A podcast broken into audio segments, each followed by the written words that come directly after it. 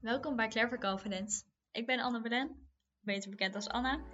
En ik wil jullie met behulp van deze podcast graag helpen om met social media en de invloed die dit heeft op je zelfbeeld om te gaan.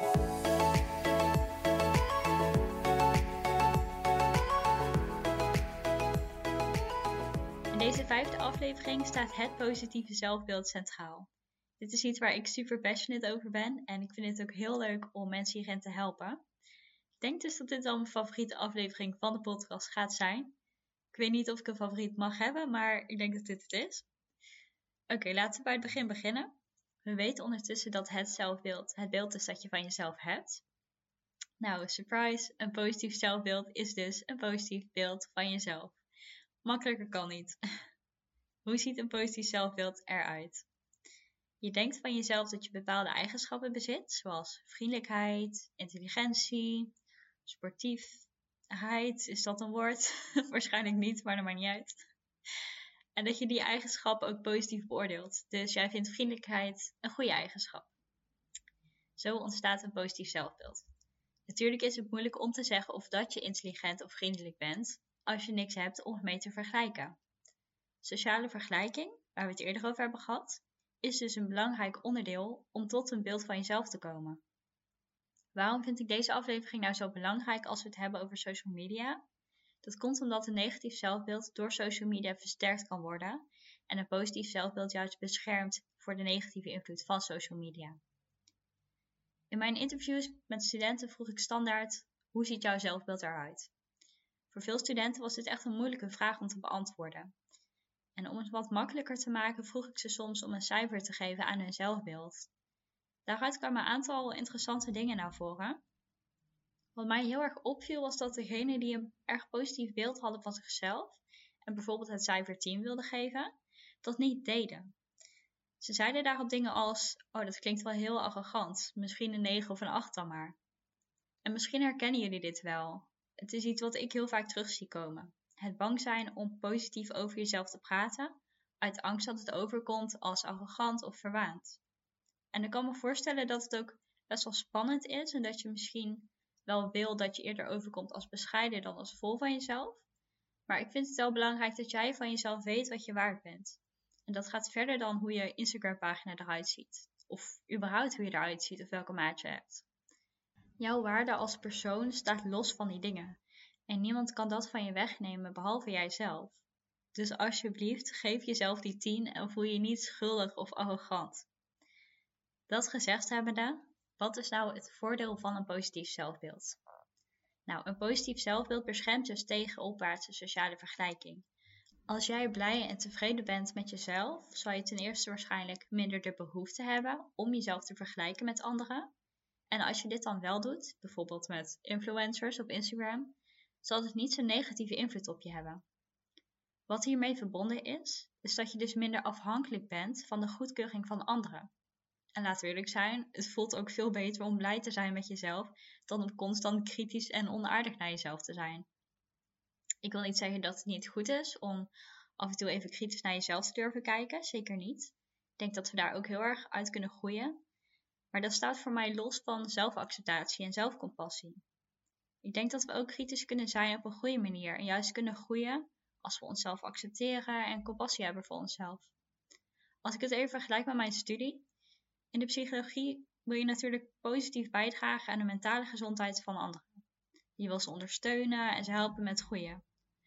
Maar als ik naar cliënten op dezelfde manier kritisch zou zijn en op dezelfde manier tegen ze zou praten als ik een paar jaar terug naar mezelf deed, dan zou ik nooit aan de baan komen.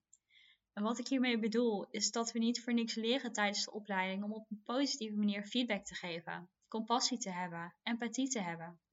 Omdat mensen in die fijne omgeving kunnen groeien. Waarom doen we dat dan niet bij onszelf? Ik hoop dat dit allemaal logisch klinkt en dat je ondertussen zoiets hebt van: ja, oké, ik mag goed voor mezelf zorgen, compassie hebben voor mezelf, mezelf accepteren, etc. Maar misschien is de stap naar het daadwerkelijk doen en het voelen nog wel heel groot. Ik wil graag een paar tips geven en ik ben heel benieuwd wat die voor je doen. Sommige zijn wetenschappelijk onderbouwd en andere zijn gewoon helemaal uit eigen ervaring. Oké, tip 1. Bewustwording. Heb je hem weg? Stel jezelf de vraag: welk cijfer geef ik op dit moment aan mijn zelfbeeld? En stel vervolgens de vraag: wat zit er allemaal in dat cijfer? Dus bijvoorbeeld, wat zit er allemaal in die 7 die ik me heb gegeven? En tot slot, wat mist er nog? Wat maakt dat ik mijn zelfbeeld geen 10 geef? Ik hoorde van studenten tijdens mijn interviews dat het heel fijn kon zijn om gewoon even 5 minuten aandacht te besteden aan wat vind ik eigenlijk van mezelf. Oké, nummer 2. Wat dan wel belangrijk is, is dat je jezelf altijd positief benadert. En hiermee bedoel ik dat je bijvoorbeeld een niet veroordelende houding naar jezelf hebt, maar ook jezelf niet afkraken. Probeer jezelf te benaderen zoals je dat bijvoorbeeld bij een jong kindje ook zou doen. Als die een fout maakt, dan ga je ook niet zeggen van, oh, dat is heel dom. En dat is wel een hele moeilijke opgave waar waarschijnlijk veel oefening voor nodig is. Maar als je jezelf betrapt op een negatieve benadering naar jezelf toe, probeer jezelf dan te corrigeren. Ik kan me voorstellen dat dat onwennig kan voelen op het begin, maar wat heb je te verliezen? Als je de volgende keer gedacht hebt, zoals dit was zo'n stomme fout, waarom ben ik zo dom? Probeer het dan te vervangen met: oké, dat was niet zo handig, dat voelt even shit, het mag even shit voelen, maar fouten maken hoort erbij en ik kan er nu alleen nog maar van leren.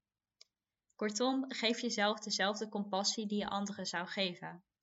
En als we het hebben over taalgebruik, ook als je in gesprek bent met anderen, probeer gewoon niet over jezelf op een negatieve manier te praten. Dan door naar nummer drie. Dit is eentje die ik persoonlijk heel veel heb gedaan. En hij is ook wel heel grappig. Ik ben een lange tijd echt heel onzeker geweest en heel kritisch naar mezelf. En ik heb deze tip volgens mij ergens gehoord, maar ik zou niet meer weten waar. Maar probeer jezelf door de ogen van je huisdier te zien. En als je die niet hebt, door de ogen van je beste vriend of vriendin bijvoorbeeld.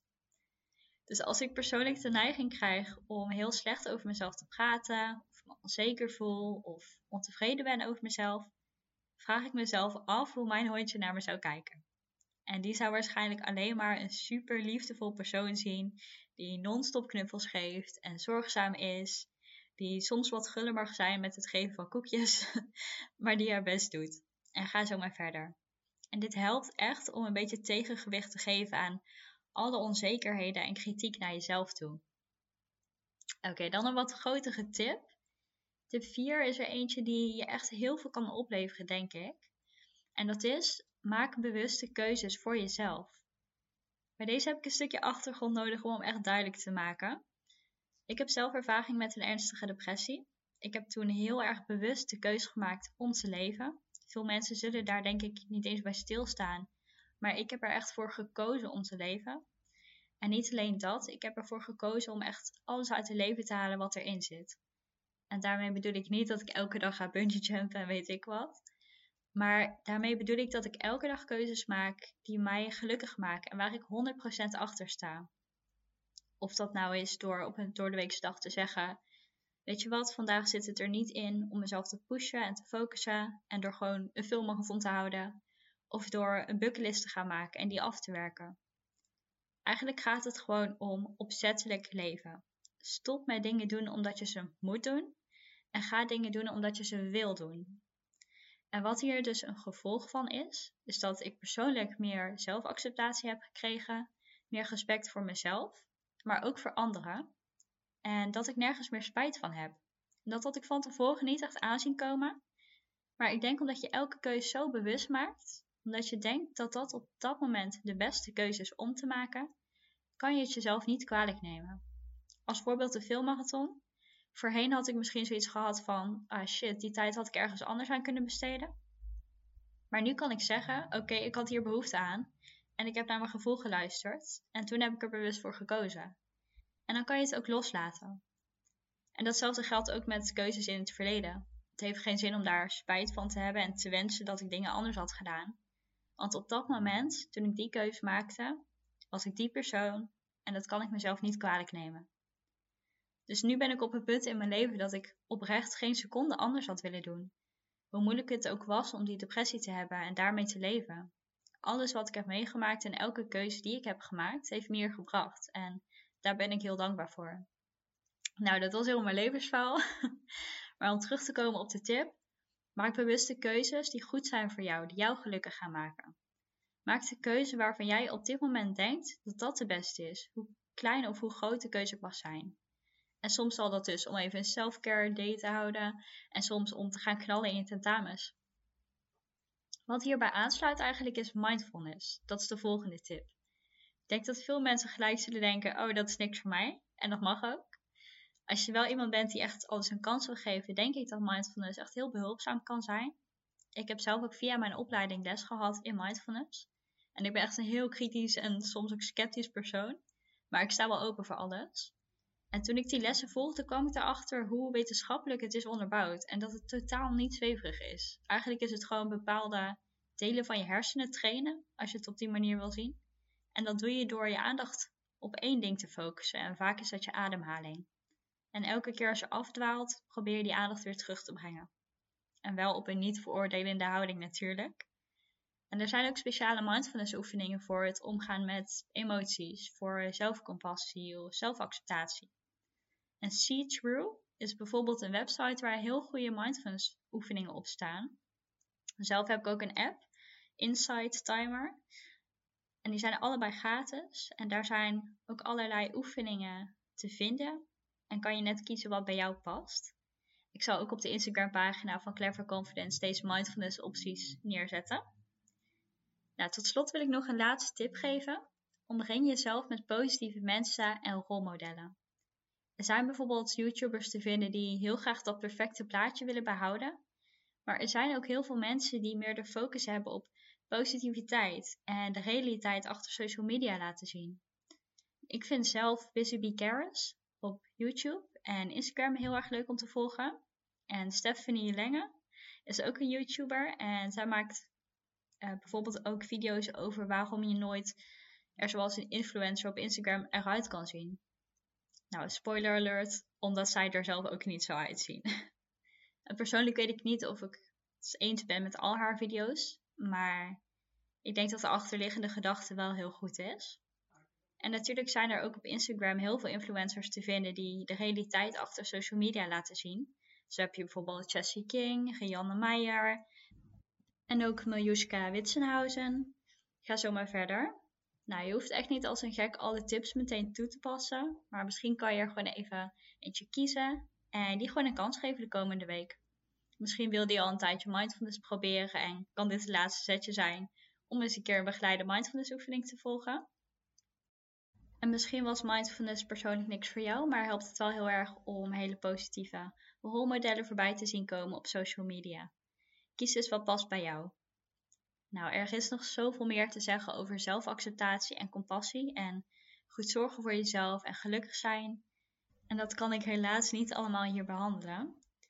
Dus wat je moet meenemen van deze aflevering, weet wat je waard bent, wees begripvol naar jezelf, leer jezelf kennen en maak bewuste keuzes in je dagelijkse leven en met social media. In de volgende en laatste aflevering wil ik jullie vragen beantwoorden.